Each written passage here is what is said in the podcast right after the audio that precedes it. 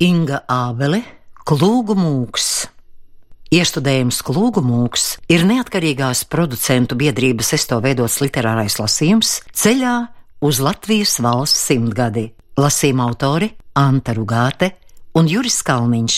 2017. gada ieraksts.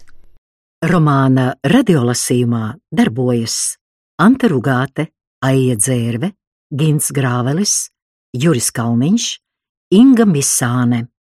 17. lasījums.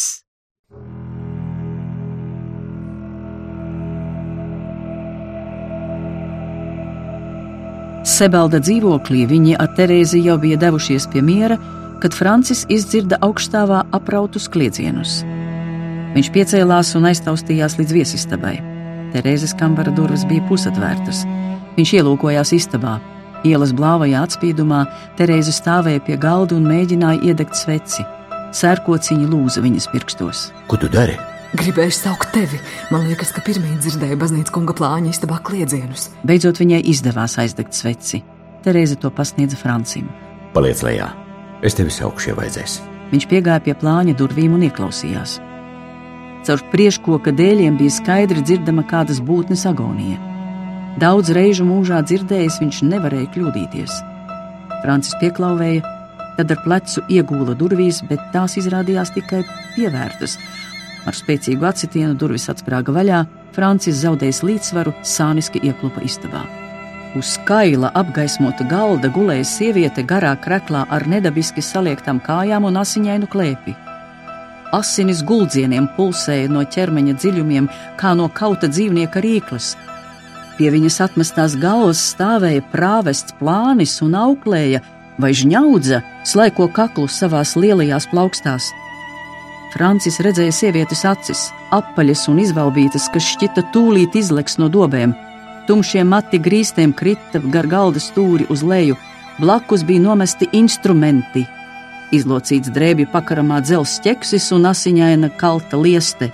Nikolai, laid vaļā! Nikolais skurināja galvu kā zirgs odu laikā. Viņa seja šķita vaiprātīga. Tad viņš atlaida meitenes kaklu un pacēla abas rokas gaisā, kā padodoties. Frančs, nē, viņa pati! Francis tikmēr aizsedza meitenes klēpi ar palagu un gribēja saspiest kopā viņas ceļgalus.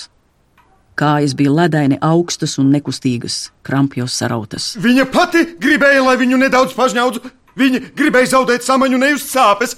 Mane, mane, Marija, mīļumiņa. Marija lēni mirkšķināja plakstus kā transā, it kā ar to spētu novērst svešā cilvēka uzmanību no sava vaļējā kāju vidus. Linu palaks grūdieniem krāsojās sārts. Bet tas taču Nikolai! Jēzus, kungs, Dievs, tā ir augļa nomirdināšana! Viņa pati, pati! Plānis sita pretī vārdus kā lodes vienā laidā. Viņa pati, viņa pati! Dakteri, Francis iesaucās un pagriezās pret durvīm. Plānis žigli paķēra dzelzs liesti un aizleca viņam priekšā. Viņa pati negrib ārstu! draudošs šoks! Pakusties tikai, un es tevi nositīšu! Plāņa seja bija sarkana, sviedri no deniņiem pludoja pār vaigiem, sebalts uz brīdi aprima. Franča mirklīgo mulsumu pārcirta sieviete uz galda. Sāpju lēkmē, vai arī no tā, ka bija nākusi pie samaņas, viņa ieraudājās. Koļā, laidi viņu! Kāpņu lejpusē, kā balts rēks, vīdēja Terēze savā gaišajā naktstērpā ar sveci paceltā rokā. Skrien, Terēze! Noēlējā uz Maskavas ielu dabū važoni! Būs jāved pie doktora Mutuļa! Plānis noraudzījās, kā Terēze aiziet un atkrita ar muguru pret sienu blakus durvīm. Asiņainās rokas, kā divas nevarīgas skrandas, uzplīvoja acīm. Viņš raudāja, drebinādamies un burzguļodams siekalas kā mazs bērns. Plāni, kurš bija par sebaldu daudz jaunāks, Francis tā īsti nespēja cienīt jau kopš pirmās tikšanās reizes, kaut bija pieaicināts viņa primīcijā. Glumšs un glumšs koļa Francim likās, kā uz mūžu aplipis ar augļa taukiem. Vīriem acīs neskatījās, nespēja, ātri sāka svīst un novērsās. Sievietēs blenza ar savām nakts apmātajām acīm tik ilgi, kamēr kāda viņu pažēloja. Garš, mazliet uz priekšu sakucis, pārvietojās kā līzdams. Savu roku vienmēr stūma pa priekšu kopā ar glaimīgo mēli, mīkstu un miklu. Kādu laiku viņa palika klusumā. Sieviete uz galda bija aprimusi, varbūt paģībusi, varbūt mirusi. Pārkurinātā istaba stipri dvakoja pēc siltām sāļām asinīm, elpu cirta ciet. Francis piegāja pie loga un atvēra to. Viņš piegāja pie sievietes un papurināja aiz zīdainās makra. Acis viņa vaļā nevēra, bet dziļi zem franča pirkstiem, kā uguns ādere pulsēja tikko manāms tuk, tuk. Es viņu mīlu, Franči. Ja tu vispār zini, ko tas nozīmē. Nevajag, dakteri. Es atteikšos no baznīcas un aprecēšu viņu. Iztiksim bez publiska skandāla. Tu tiešām esi aprobežots garā. Viņa mirst! Nikolais pierāpoja pie Franča un skūpstīdams viņa rokas tecināja uz tām asaras un slienas. Viņa ir ragana, tici man, kas padara vīriešu par muļķiem. Visus! Viņai vieta uz sārta. Viņai nekad nesot bijusi padoma palaist bērnu pasaulē. Solīja izstāstīt arhibīskapam, ja nepalīdzēšu augli nomaitāt. Es biju spiests nomaitāt. Goda dieva vārds, Franci! Francis ar riebumu izrāvās no Nikolai plaukstām. Pa atvērto logu bija dzirdami važoņa zirga smago dzelzskurpju čapsti. Viņš piegāja pie meitenes un uzmeta tai segu. Kājas palika saliektas, garie mati vazājās pa grīdu, rokas kūļājās gaisā kā atlaustas ziedu putekšnīcas, kad viņa ar važoni uz segas stiepa Mariju lejā pa kāpnēm. Terēze rādīja gaismu. Tikai plānis vēl joprojām nekustīgi dirnēja pie vaļā atstātām durvīm. Marija nenomira, bet laicīgā tiesa viņu sodīja pēc visas likuma bardzības.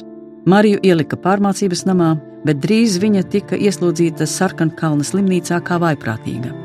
No Sarkankalna viņa bēga un apmetās kāpņu laukumiņā pie plāņa slēgtajām durvīm.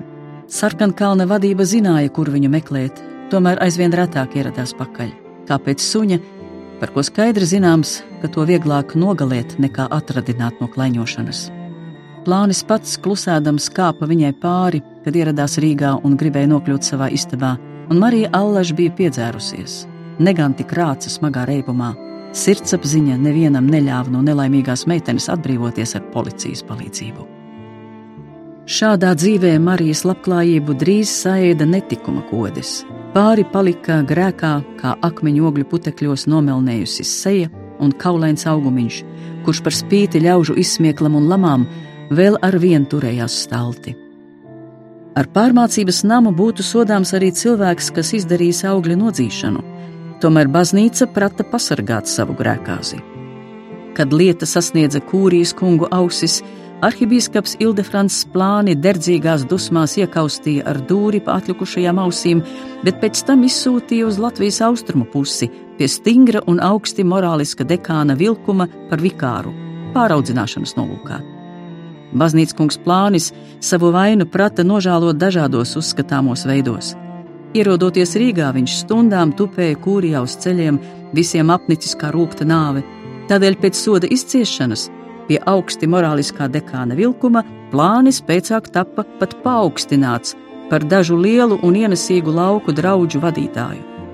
Garīdznieki slēpa viens otra vainas un trūkumus, lai nezaudētu respektu tautā.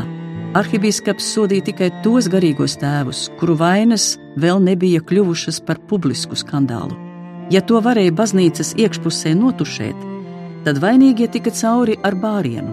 Ildefrants grēkāzi vispirms piekāva, lika nožēlot savu vainu, tad deva grēku piedošanu, pārkrustīja un viss bija nokārtots. Bet, ja lieta kļuva par publisku skandālu, tad gluži pretēji. Vainīgais dabūja paaugstinājumu karjerā, lai parādītu, ka publikai nav taisnība, ka viņš nav slikts, ka ir tikai katoļu garīdzniecības apvainotāju upuris. Aiz vainas apziņas saliecies deviņos līkumos, kā lapsa, plānis līda pie franča ciemos. Francis bija pret viņu ne silts, ne salds. Sebalda,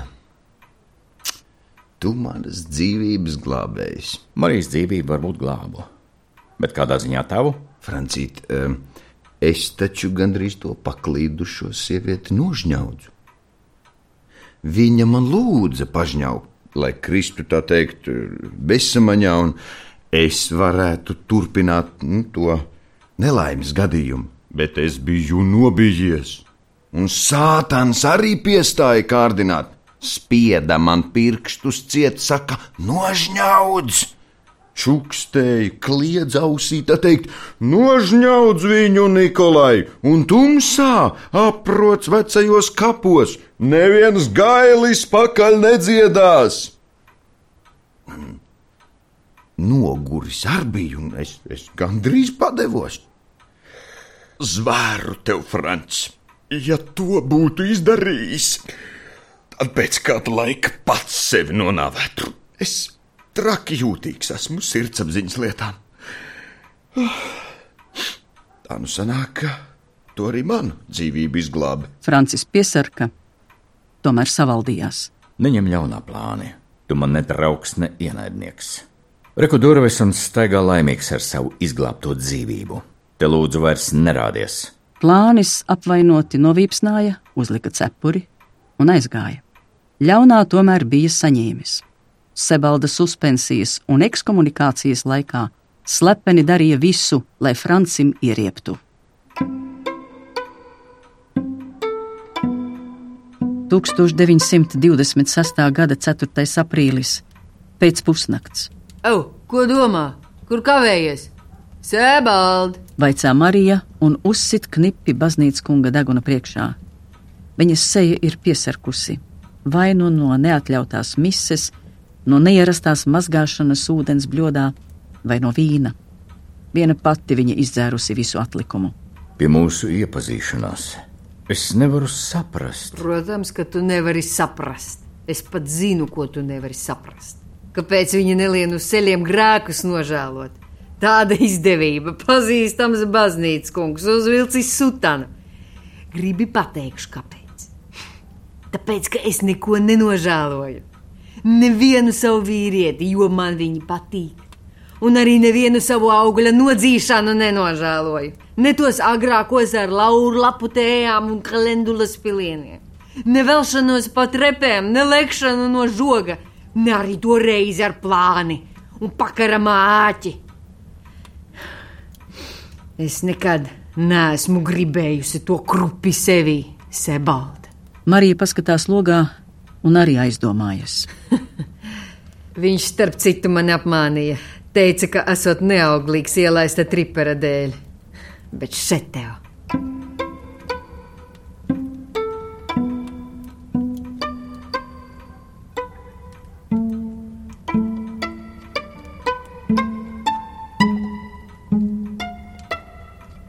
Francis lūkojas viņas sejā. Reibumā un aizrautībā tā vairs neslēpjas ne grimasēs, ne ēnās, ne netīrumos. Šī seja vēl nesen būdama vien pagurusi, nu sebaldam šķiet kritušā eņģeļa vieplis. Neglīts sapuvis auglis, embrijs ar noplēstu ādu un asins pierietējušām rētām acu vietās. Francis ielūkojas tajā vēl ciešāk, neļaujas apmānīties. Daudz šādu seju viņš ir skatījis, netīrus logus, aizķēzītus spoguļus. Atliek attīrīt pirksta pieskāriena lieluma laukumiņu, un cauri dubļiem sāk starot dievišķs daļums. Sebaldam tāds amats - pavadīt dvēseles viņā krastā, nogādāt sveikas un veselas debesu klēpī, tāpēc viņš prot ieraudzīt sejas, kādas tās kļūst, kad nāves brīdī atlaižas un atkal top pirmatnēji skaistas, miera skartas, kad pārstāj maldināt. Uzreiz pēc nāves nav neviena neglīta cilvēka. Kaut dzīvam esot, odzes un mēsli birtu no lūpām. Oi, un kad vēl iedomāju, ka manī varētu aizmesties sievietē. Pasarg Dievs! Šajā pasaulē nav nožēlojamāka radījuma par sievieti. No visa viņa ir atkarīga. Visas sāpes, visi grūtumi uz viņas pleciem. Vīrieši tikai aizpogā bikses un aiziet uz kantori, bet sieviete paliek asaras vemt un asinis dirst. Ai, ko nu es te stāstu? Pats labi zini. Kad tu tāda paliki? Sebalda, tu taču esi jocīgs. Es tev visu izstāstīju kā pie bikts. Vai tad tu nesaprati? Tajā brīdī viņa iedomā par to, ko ir noklusējusi, par bērniem aizliegtajām grāmatām tēva bibliotekā. Mopasāns, Balzaks, Flobērs, Brūsovs, Badlērs, Nīče, nolādētais Marķīs Desats. Viņa atceras kareivju un ciema puišu karstās un cietās ciskas, dzird sieviešu greizsirdīgos izsaucienus un jūt viņu dūru sitienus sev mugurā. Bet puišu klēpī ir kaut kas pamatīgs, kas viņai tiešām patīk. Acis viņiem, Marijā skatoties, kļūst valgas un ūdeņainas kā suņiem, un smaržo viņi vēl spēcīgāk un saldāk pēc tabakas, odekolona un sviedriem. Tas ir milzīgs spēks, stiprāks par elektrisko strāvu, ko viņa jūt sevī. Šo spēku allaž visi grib iegrožot, savaldīt, ņemt par ieroci, pieaugušie, baznīca, valsts. Viņa par to tikai pasmējas, jo zina, kā ar to rīkoties vīriešu biezās un karstās mēlis starp viņas plānajām kaķenes lūpiņām, vai kailas un baltas krūtis, pārlieku vārus un maigas šai pasaulē, kā sniegpulksteņi, kas izplaukst no blūzes starp prauliem, trūdiem un dubļiem, uzmirdzēt tiem nogurušajiem karavīriem, kas bara kā grib kaut cūku. Kā viņi attopas no ļaunas naudas, no savas rūktās neeksistences, kurā valda tikai asiņu smaka un bezdomu maldi Viņa paceļ blūzi, viņa skatās. Pēc tam viņa aizbēg, baidās. Kad iemācījās vairs nebeigt un nebaidīties, viņas ķermenis karavīriem vienmēr sagādāja prieku un līksmību, tāpat kā karavīru labumi viņai. Bet nebaidīties viņu iemācīja tas gadījums ar lidotāju Arhangelskā, kad viņš aiznesa viņas sudabra monētu kad viņš paņēma viņu zem segas savā siltajā līkumā, kādu baudu un reizē sāpes sagādāja viņa ielaušanās. To viņa Sebaldam nemaz nav stāstījusi un stāstīt negrib. Nevienam par to nav teikusi. Tā ir viņas darīšana. Šīs nepiepildāmās, baltās un mirdzošās ilgas viņas biogrāfijā visvairāk atgādina mīlestību, to parādību, no kuras viņa bēg kā velns no krusta un nekad dzīvē vairs negrib pieredzēt. Tādas mīlestības nemaz nav. Tā ir liekulība, par ko viņi visi te runā. Mīlestība ir vainas izjūta, mīlestība ir iedzimtais grēks, kā sludina baznīcas kungi no kanceles. Mīlestība ir mīļa, lēna žņaukšana, tā aizsit telpu un neļauj dzīvot. Viss pārējais pasaulē ir interesanti un priecīgi, bet mīlestība ir krampjaini savilktas rokas, kurās mazā maša raudādama nevar uzstīvēt cimdus un paliek uz sliekšņa kā vilcēns vientuļās gaudās, kamēr pajūgu ar māti aprīt tumsas rīkle. Mīlestību apglabāju reizē ar māti. Es zinu, ka auģa māte, bet īsti to nebija lemts iepazīt. Droši vien kāda vēl nauka, kurš gan cits būtu pametis uz kāpnēm. Šajā ziņā esmu kuces meita, tas gan. Samaitāta uz visu mūžu un dzīvoju bez interesi. Priekš ko dzīvot? Marija palūkojas uz Franci. Viņš neatņemdamies skatās uz pēdējā cara kronēšanas monētu, paņēmis to rokā. Man viņš ļoti iepatikās. Kurš? Cars. Es viņu tajā dienā satiku pirmo reizi un tūlīt sirdī pieņēmu par savu cāru. Tu taču zini, kas notika Hodinkas laukumā 896. gada 18. maijā. To dienu mēs vienmēr svinējām kā manu dzimšanas dienu. Tā arī ir tava dzimšanas diena. Otrā. Pirmo es nezinu. Tu biji mazs zīdainis. Es tevi ieraudzīju blakus tavai mātei, kas bija nomīdīta līdz nāvei. Ļaudis sāk trakot ar Nikolai otrā kronēšanas svētkos. Paps stāstīja. Simti cilvēki dubļos. Tūkstoši Marijā. Tev mātes pazina no bērnības, bet Tajā dienā es nobijos. Tāpat kā cars. Viņš vienkārši klaiņoja ap līķu kalniem, kaut visi lūdzās viņam tur nerādīties. Viņš pacēla tevi, ielika man rokās un iedeva šo te monētu no savas kabatas. Cars pacēla, bet tu noliki uz trepēm. Jau teicu, es nobijies biju. Tā bija tāda diena, priekšvēstnese. Pie valna, kāpēc tu vienmēr bēdz, kad tevī rodas kāda cilvēciskas jūtas? Un tu? Kāpēc tu esi netīrā Marija? Kāpēc tu dzīvo zemāk par zemes tārpu? Kas tas ir, ja ne grēks, kas tevi sēd? Izstāst līdz galam, ja iesāki, varbūt sapratīšu.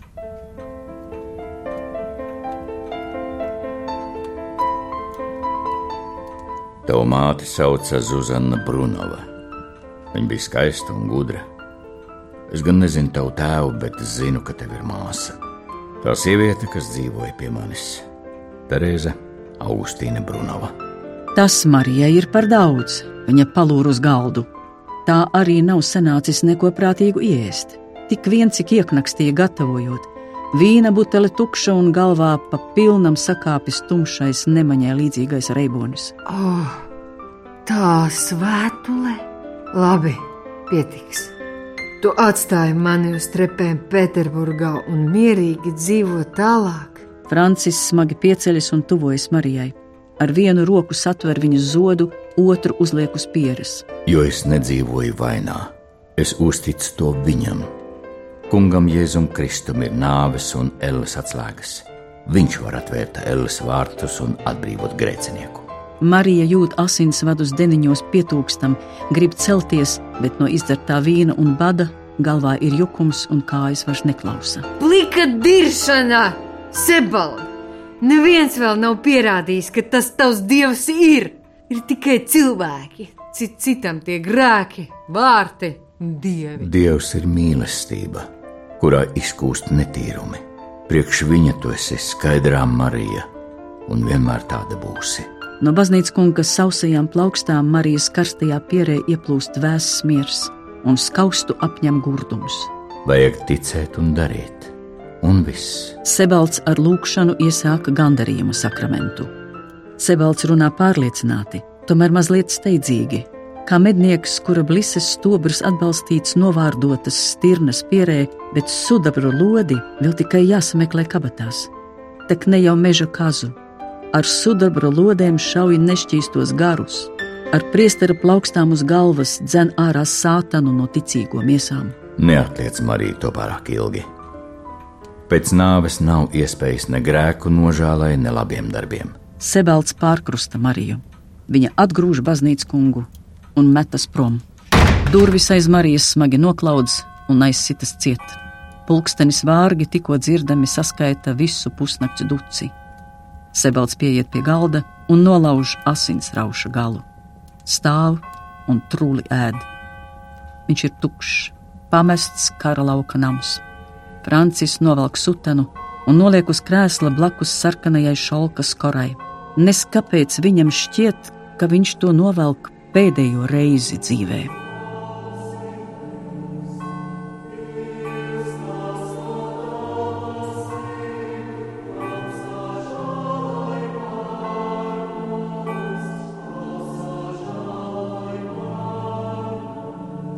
Arhibīskaps Ildefrants beidza pārlasīt Franča Sebalda rakstu Garīgais bandītisms gadu vecajā avīzē un nošņācies iemeta to krāsnes mutē.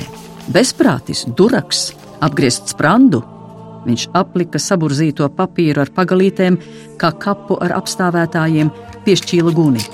Atspiedies pret krāsnes gludo sānu ar trīcošu roku, ducīgais Latvijas katoļu baznīcas galva paskatījās pa logu kur virs Ciriša ezera griezīgi kliegdams riņķoja dzērvju pulks. Kupraini iztaisnos tikai kaps, Sebalts pats vainīgs. Starp iekuram nomestajām avīzēm nejauši atrastā zemnieka balss tikai stiprināja arhibīskapa rīcības pareizību. Svaigi uzsveltās dusmās viņš aizsita krāsnes durtiņas, smagi piecēlās no krāsnes priekšas un devās atkal pie rakstām galda, uz kura gulēja paziņojums par baznīcas kunga Francisko Sebalda ekskomunikāciju. Ildefrants iemērca spalvu tintē un tuvredzīgās acis miegdams grasījās pielikt punktu savam gada rakstam, bet šķidrums apsteidza arhivīskapu un uz papīra nopilēja liels tintas traips. Aiz piepūles piesarcis viņš tvēra atvilktni, kur gulēja kaudze tādu pašu Vatikāna veidlapu. Vajadzēs visu pārrakstīt. Arhibīskapu atkal iztraucēja gaiputnu klaigas. Kā tās dzērves kliedz, sirdi raujārā. Pūstums pret apvārsni trenca gubu mākoņus, un sebalda pazudināšanas papīra virsmete uzliesmoja spožā saules gaismā, te apdzisa blāvā pakrēslī.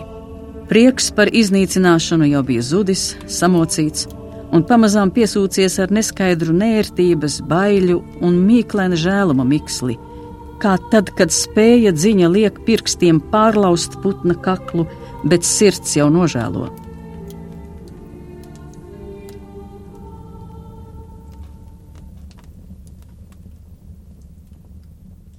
Zemnieka balss Latgales Demokrātu partijas avīze Rīgā 1925. gada 5. augustā Francis Sebalts Garīgais bandītisms.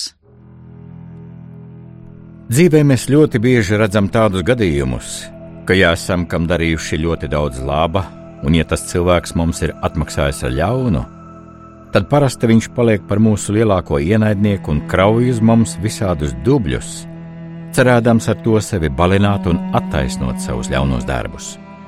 To pašu jāsaka par to Elles danci un garīgo bandītismu, kādu ir iesākusi pret mani niecīgi šaura garīgo tēvu grupa - Baznīca kungi Jakovļevs, Rimberts, Saviļievskis, Rūkas un pāris citu zem katolicisma maskas par ļaunu visai katoļu lietai.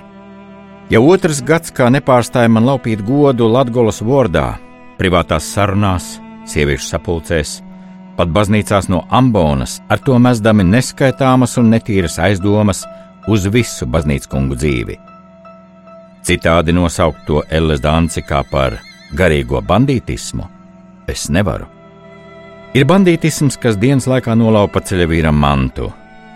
Gadās bandītisms starp spekulantiem, kas iedzen kompanionu vai konkurentu bankrotā ar negodīgu spekulāciju vai plēš tautai ādu pār ausīm ar nedzirdētām cenām.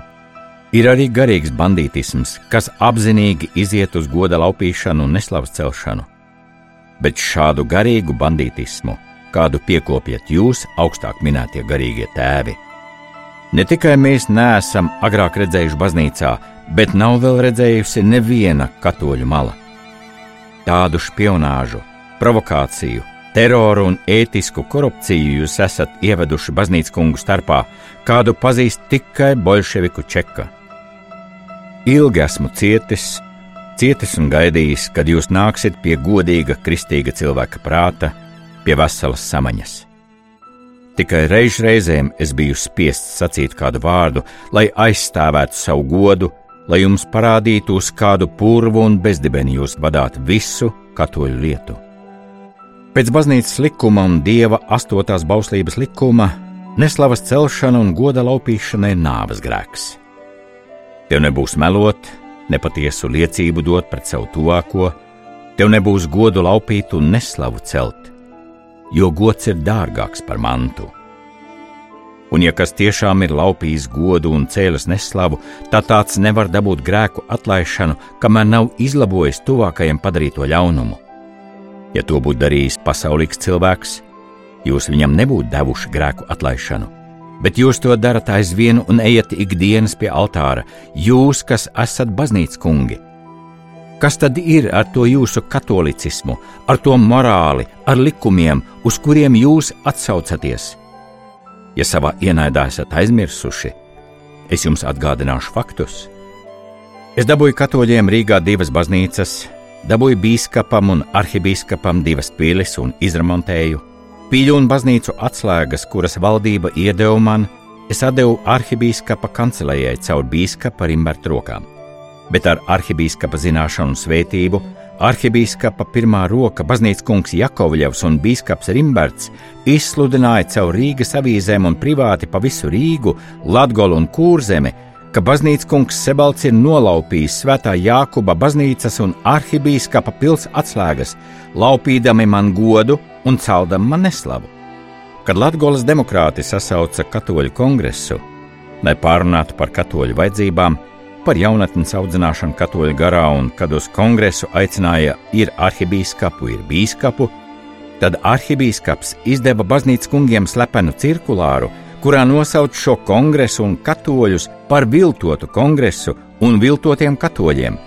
Zem nāvīga grēka liedza tajā piedalīties, lika to sludināt tautai, un ar arhibīskapa Ildefranca svētību un piesacīšanu vairāki baznīcas kungi, kā arī Latgolas Vorts, sludināja, ka baznīcas kungs Sebalts ir atkritis no katoļu baznīcas un ieved jaunu ticību. Bet kur tad ir tā jaunā ticība, kuru neviens nedomāja dibināt? Kam tad pēc tam tauta lai tic, ja jūs, garīgie gani, melojat ticības lietās, ir savā avīzē, ir cirkulāros, ir baznīcā no ambonas? Pasakiet, nu jūs, vai šis ir teicamais īsta katolicisma piemērs, kā vajag pildīt i dieva, i baznīcas likumus, uz kuriem jūs atsaucaties, vai arī man vajag klausīt un iet to ceļu? Sakiet, vai var būt vēl lielāki meli, vēl lielāka liekulība, vēl lielāka dieva un baznīcas likumu mīšana zem kājām, kā jūs to darat zem katolicisma un morāles maskas? Ja es būtu atkritis vai izslēgts no baznīcas un baznīcas kungu kārtas, tad arhibīskapam ir ne tikai tiesības, bet arī pienākums to likt ar cirkulāru izsludināt visās baznīcās. Bet viņš to nav darījis, un viņam nav nekāda likumīga pamata to darīt. Un tomēr arhibīskaps ir atradis par iespējamu samaisīt politiku ar ticību un baznīcu un vizitācijas laikā Bēržos no Ambonas ir atrasts par iespējamu aģitācijas formā sludināt, lai tauta nebalso par atkritējiem un izdod slepenu cirkulāru baznīcas kungiem, lai nebalso par Latgolas demokrātiem. Par sociālistiem un komunistiem nav tāda cirkulāra. Sakiet, vai tā maldinādami un godu laupīdami jūs pildāt likumus? Vai jūs esat tik tālu nonākuši un tik zemu krituši? Kur ir tas likums, kur tādas lietas būtu atļautas, kas nav atļautas nevienam godīgam cilvēkam? Tev nebūs dot nepatiesu liecību pret tavu tuvāko, lai arī to darītu baznīcas kungs vai bīskaps. Kanons un teologi noteica, ka ik katram katolim vajag mazākais reizi gadā iet pie grēku sūdzēšanas un dievgalda. Pat katorznieki un publisko namu paklīdušie meitieši nav no tā atbrīvoti. Kanoni neaizliedz nevienam suspendētajam pieņemt sakramentus, un teologi liek iet pie sakramentiem. Bet arhibīskapa pirmā roka un uzticamā persona, baznīcas kungs Jakovļevs, pasludināja baznīcas kungiem arhibīskapa vārdā, ka viņiem nav brīvi pieņemt baznīcas kungu Sebaldu pie spovedes, draudot ar suspensu un atcelšanu no amata. Un tas viss zināms arhibīskapam, tiek darīts viņa vārdā un ar viņa svētību. Sakiet, uz kāda likuma pamata tas tiek darīts? Par ko ir pārvērtušies dieva un baznīcas likumi jūsu rokās? Varbūt jūs tos tulkojat tāpat kā tos citus likumus, kurus jums gribas pagriezt pret mani. Kāds gars jūs vada? Gaismas vai tikai ienaida un tumsības gars? Jūs sakāt un rakstāt Latgolas vārdā, ka baznīcas kungs Sebalts neklausa arhibīskapam, un to viņš izplatot tautā. Arhibīskapu es atzīstu, pazīstu un klausīt neliedzu, kur liek dievs un likums. Vai arhibīskaps pret mani ir taisnīgs vai netaisnīgs, viņš ir mans likumīgais virsnieks, kamēr nav dots cits, un es viņu noliegt nevaru, tāpat kā nevaru noliegt savu tēvu, ja būtu arī slikts un netaisnīgs. Bet jūs, goda laupītāji, kas jūs man tādi esat? Jūs, Jakovļievi, Liepiņi, Saviļievski un daži citi, kuriem nav pat godīga pagāna morāles. Vai gribat, lai es pastāstu par jūsu katolicismu un morāli atklāti un pierādo lieciniekiem? Kādi ir tie, kas piesavinājuši sev tiesības mani mācīt? Tikai vai tas atnesīs labumu tautai un jums? Arhibīskapa varai, kā arī baznīcas kunga paklausībai, ir savs gals un robeža vai arī tad man jāklausa, kad man liks otram ļaunu darīt un sevi, piemēram, atzīt par zāgli vai palaidni, kad es tāds nesmu? Nē, te beidzas ir vāra, ir paklausība. Ja esmu ļauns, pierādiet ar tiesu arī tiem, kas ļaunu dara. Melo Latvijas vārds, ka es esmu devis kādam solījumu braukt uz Romu, uz Kauņu pie Cukīnī vai Bīskapa Keviča ka pie Latvijas demokrātiem ir nesaskaņas. Nekādu nesaskaņu pie demokrātiem nav, un nekad nevienam neesmu devis tādu solījumu. Ar arhibīskapu Cukīnī gan esmu runājis, bet kad zem poļu grāfu un jūsu melu iespaida viņš atzina, ka bez soda var godu man laupīt, neslavu celt, manu algu piesavināt, noliegt man iet pie spavedes pret katru dievu un baznīcas likumu. Kādu tad taisnību varēja no viņa gaidīt? Zinu es arī Romu, zinu, ka tur tiesu spriedīs ne svētais tēvs, ne eņģeļi, kurus nevar iespaidot ne jūsu mēli, ne poļu grāfi, bet spriedīs tikai cilvēki. Tad iepriekš man vajadzētu iet pie savas tautas, tai pastāstītu atklāti katrā draudzē par jūsu darbiem, kā jūs esat to darījuši un ar tautas liecību iet uz Romu. Bet vai jūs domājat, ka tas atnesīs labumu tautai, baznīcai un jums pašiem? Var jau būt, ka kādu reizi novedīsiet arī līdz tam. Bet tikmēr pagaidīsim.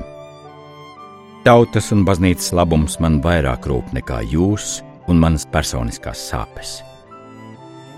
Tāds nu ir tas jūsu garīgais bandītisms un elles dancis. Citādi es to nevaru nosaukt. Šī bilde ir riebīga. Man kā baznīcas kungam pat kauns rakstīt tādas lietas jums kā garīgajiem tēviem, bet jūs esat mani spieduši to darīt, un es runāju tikai par faktiem, kurus varu apstiprināt ar dokumentiem un lieciniekiem. Bet man nav cerību, ka jums atdarīsies acis un sirdsapziņa. Žēl tikai tautas, žēl baznīcas, ko jūs vadāt purvā, žēl baznīcas kungu vairākuma, kuri smog šajā jūsu spionāžā, provokācijās un terorisma atmosfērā. 30 gadu es nodzīvoju Mogiļevas arhidiecēzijā zem svešas tautas arhibīskapa rokas, bet tur nebija ne susātīva no šādiem paņēmieniem. Šādi mēs baznīcas dzīvi nepacelsim.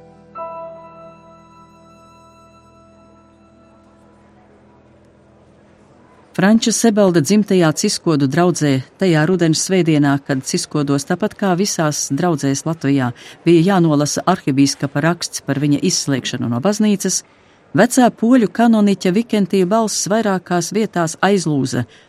Viņš apstāja lasīt un slaucīja acis. Baznīcēni staipīja kaklus, pulējās garīgo tēvu saskatīt un brīnījās, cik mazs ir sarāvies viņu kanoniķis. Taisni apbrīnojami, kā viens cilvēks ar miesu, kauliem un ādu pēkšņi tā var sarukt. Gandrīz nemanāms sveču mirgojumā un zilmelno debesu atspīdumā caur augstajiem logiem, sīks kā atlasa puteklis, kas dejo lūdzēju elpās. Vikentijas seja bija cieta kā akmens klons, viņa mēle bija no ambaunas koka un pēkšņi nelocījās, kropļojot zilbes. Pamazām, vārdu jēgu saprastama, sāka raudāt visa baznīca. Pēc mises kanoniķis bija radis satikties ar tuvāk pazīstamiem draudzes vīriem baznīcas dārzā. Stiprs vējš plosīja tumšo koku nodzeltējušās lapotnes, draudzes locekļi slēpās aiz dārza sētas, aiz mikliem stumbriem, burzīja ar dūrgaliem acis un neuzdrošinājās rādīties savam ganam, kas gluži kā prātā jucis, kaut ko murminādams, klīda pa dārzu.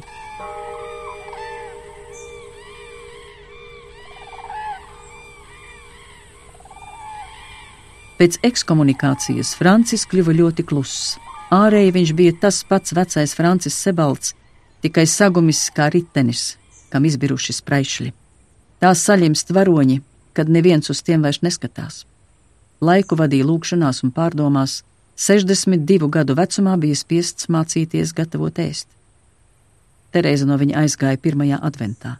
Todien pirms lielās mises viņa ienāca viesistabā un izskatījās pēc cilvēka, kas sataisījies tālā ceļā. Viņa bija ģērbusies labajās drēbēs un rokā turēja pītu klūgu grozu, pārsaktu ar vilnas lakatu. Lakatam virsū bija uzmestas pāris grāmatas. Kur tu iesi? Viņš vaicāja un tūlīt nolaida skatienu. Negribēja likt Terēzē melot. Uz baznīcu, un pazudis mātes gradzens, laikam būs nokritis, kad cimdu vilku nost. Paliec sveiks! Viņa pienāca pie Franča un noskūpstīja viņu uz pieres. Brīdi Francis vēl juta sniegpulksteņu smaržu, kas ar vienu veidīja ap Terēzi, un izkliedza viņas tikumu apkārtnē skaidrāk par simtiem mēļu un vārdu. Viņš gribēja ko teikt, bet sirds krūtīs apmeta dubultu kūleni un dīvaini ieņarkstējās kā koka dieviņš, ko klauns gada tirgu dancina uz drāca divos tievos skalos. Tas kungs zina. Francis pats nekad nebija vēlējies Terēzi dancināt. Tā bija viņas griba un vēlēšanās palikt vai aiziet. Arī tagad viņš nesacīja ne vārda. Klūgu gross, vilnas lakats un pāris grāmatu, Terēzes mūža guvums bet mīlestība, mīlestība un viņu laiks tie nederēja kopā. Šo cilvēku dzīvē, kam bija daudz drosmes stāties pretī dažam labam sava laika aizspriedumam, vārdam mīlestība, bija likteņa svars. Abi necieta atvadas, bet šoreiz tās likās garākas un mokošākas par visām mūžā pārciestām atvadām. Francis sagrozījās krēslā, gribēdams atvieglot viņas aiziešanu un cirst Terēzei ironijas pliķi. Piemēram, protams, kopā ar mani tevi baznīcā neielaidīs, tāpēc ej viena pati. Pār lūpām nenāca ne zilbe. Viņš tikai pielika roku pie pieres un uzreiz atrāva to. Cik roka bija ledaina, cik piera liesmās. Terēze instinktīvi rāvās uz viņa pusi, kā gribēdama kārtējo reizi pasargāt. Mīļais, es aizēju tāpēc, ka īstenībā man vajadzēja aiziet jau pirms diviem gadiem, tajos Ziemassvētkos, kad tevi suspendēja, viņa būtu gribējusi teikt. Pirms deviņiem gadiem, pēc tā baisā bolševiku cietuma, vēl agrāk, jau Pēterpilī, mums bija jāiet katram savu ceļu, nevis jādejo mazurka, un, ja gribi zināt, tad tikai tāpēc, mīļais, ka viņiem ir taisnība. Tolaik ar savu šķiršanos mēs varbūt kaut ko būtu ieguvuši, kaut ko mazu, niecīgu, bet debesīs. Turpretī tagad pametam tikai savus zaudējumus, visu apskatēju kā nodīrātas ēnas. Cita, ko zaudēt, vairs nav atlicis. Terēze nepateica ne vārda, tikai smagi vilka elpu, it kā viņai šajās sienās trūktu gaisa. Tu gribēji man vēl ko teikt? Mums vajadzētu radīt bērnu. Tas izskanēja tik vienkārši un klusu, it kā viņa teiktu, mums vajadzētu naktī pāriet robežu un bēgt uz padomju Krieviju. Francis neticēja savām ausīm. Tavas asinis vajadzētu ieliet jaunās dzīslās. Tagad, kad nekam citam vairs nav nozīmes. Vērdamās tieši uz Franciju ar nekustīgām, magoņu sēkliņu lieluma acu zīlītēm, Viņa runāja kā dīvainā transā, nesakustinot sejas vaipstus, kā marmora karietīda virs akropolis, ko rītausmā skāris pamodies vējš. Netraucē man ar savām muļķībām, kad es rakstu pāvestam. Viņš pikti uzkliedza, un pēkšņi sāka nevaldāmi smieties. Terēze, vai tu pati saproti, ko tu runā? Mēs taču nemaz neprotam radīt bērnu. Terēze, noģidusi, ka viņas ierosinājums varētu tikt iztulkots arī kā pareģojums par ātru sabrukumu, mājiens par tuvām un nenovēršamām beigām, aizdomas par drīzu nāvi, un paldies Dievam, ka viņš to nebija tā uztvēris, tikai sācis smieties kā ārprātīgs, jo tas bija mazākais no ļaunumiem. Viņa sajūtās skumja un lieka. Viņa savilka ciešāk kažokādas apakli zem zoda un pagriezās uz durvīm. Iesānis vēlreiz atskatījās, cik viņš bija vecs, cik izkaltis reiz sulas pilnais un zaļojošais koks, kam viņa kā pagānu priesteriene ar prieku bija upurējusi kaut ko vairāk par sevi, savu laiku. Šis koks bija jau sasvēries, krišana bija sākusies kādā citā lielākā plānā, pāri istabai pēc viņas sniedzās tikai koka platā un vienaldzīgā ēna. Terēze to iecirta durvīs ar sausu roku. Viņa šķiršanās bija bezjēdzīga un pat smieklīga. Tā plašuma priekšā, ko abiem kopā mūža laikā bija lemts piedzīvot.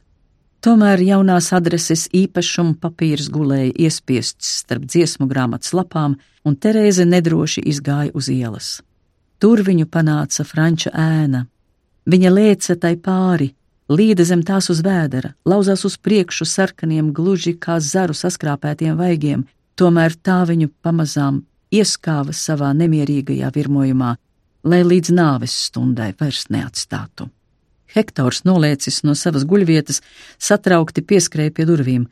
Galvu pašķiebis viņš noklausījās aizejošos soļos, pāris reižu nosmilkstēja pakaļ, tad uzliec uz palodzes, un atspiedis miklo purnu pelēkajā stiklā, noskatījās, kā saimniece attālinās. Saimnieks pat nepakustējās, neko neredzošu skatienu blenzdams pretējā sienā. Kad Francis spēja pietrūkās kājās un metās uz loga pusi, Hektors pārbijās un nolec no palodzes, taču saimnieks neatvēra logu un nesauca saimnieci atpakaļ. Sebaldam tikai pēkšņi bija izlicies, ka uz vaģa rūpīgi uzkārtais baznīcas kunga amata tērps sabirzis skrandās. Francis pārlaida ar plaukstu vilnas audumam.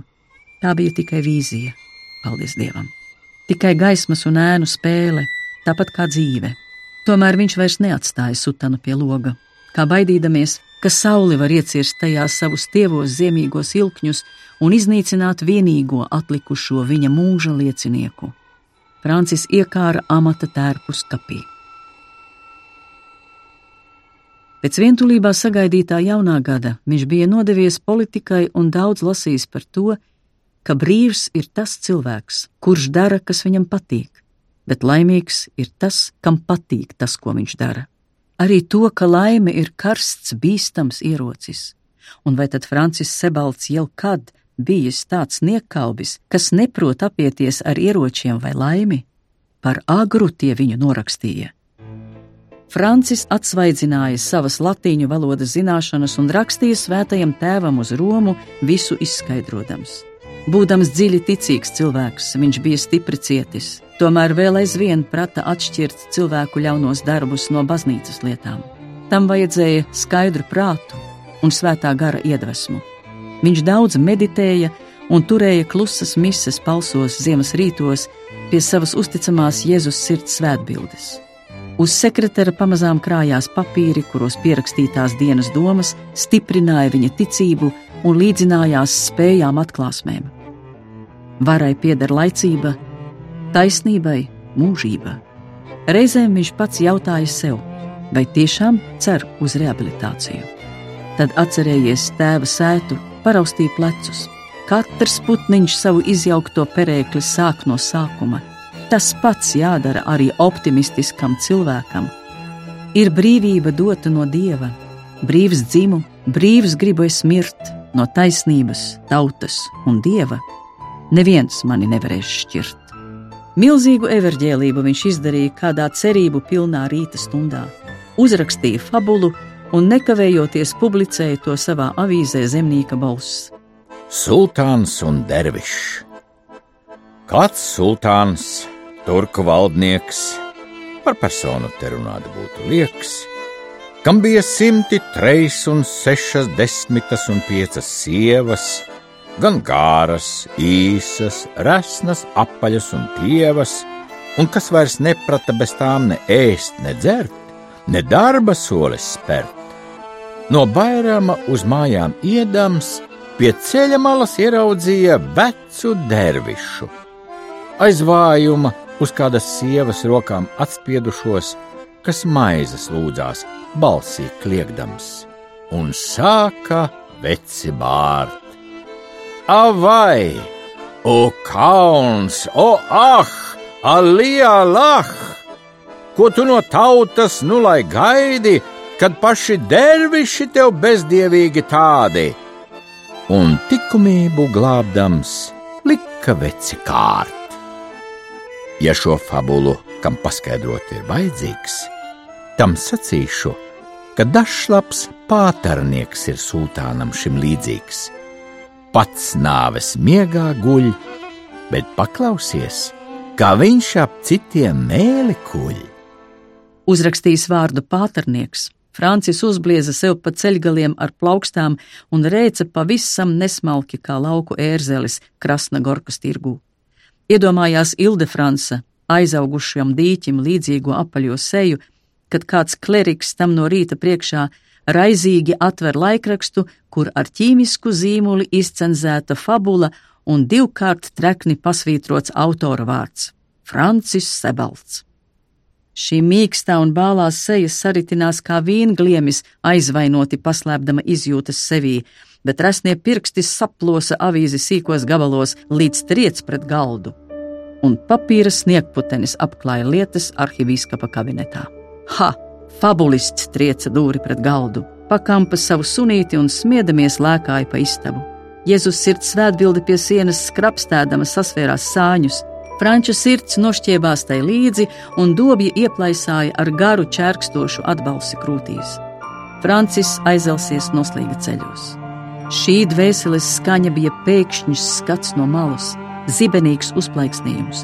Kā gaisma, tā uz mirkli izrāva no nebūtības ekskomunicēto baznīcas kungu Francis Sebaldu, netalantīgu rīmkalinu no dieva žēlastības, divu saimu daļrunātāju, kas visu mūžu deldē nepareizo kanceli, naivo politiķi, kurš necieš visāda veida šeftes, un personīgu veikalu taisīšanu valsts darbā, tāpēc kā balta vārna ir visiem pa cirtienam. Piedod Jēzu manu lepnību, jo esmu grēcinieks.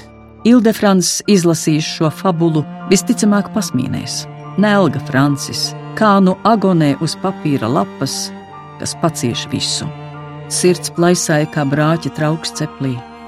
Man jāpasteidzas ar vēstuli pāvestam, Francis nodomāja. Sāpju degošās stīpas ierasti žņaudzīja viņa krūtis, līdz atlaidās, atstādamas aiz sevis sāpīgu tukšumu. Hektors nolaizīja no sakņu pušā baznīcas kunga vaiga pēdējo asaru. Vai tad tu nezini, mans dēls? Cik niecīgs prāts valda pasaulē? Mazliet nomierinājies, Sebalts jautāja sunim un vilkās pie rakstām pults.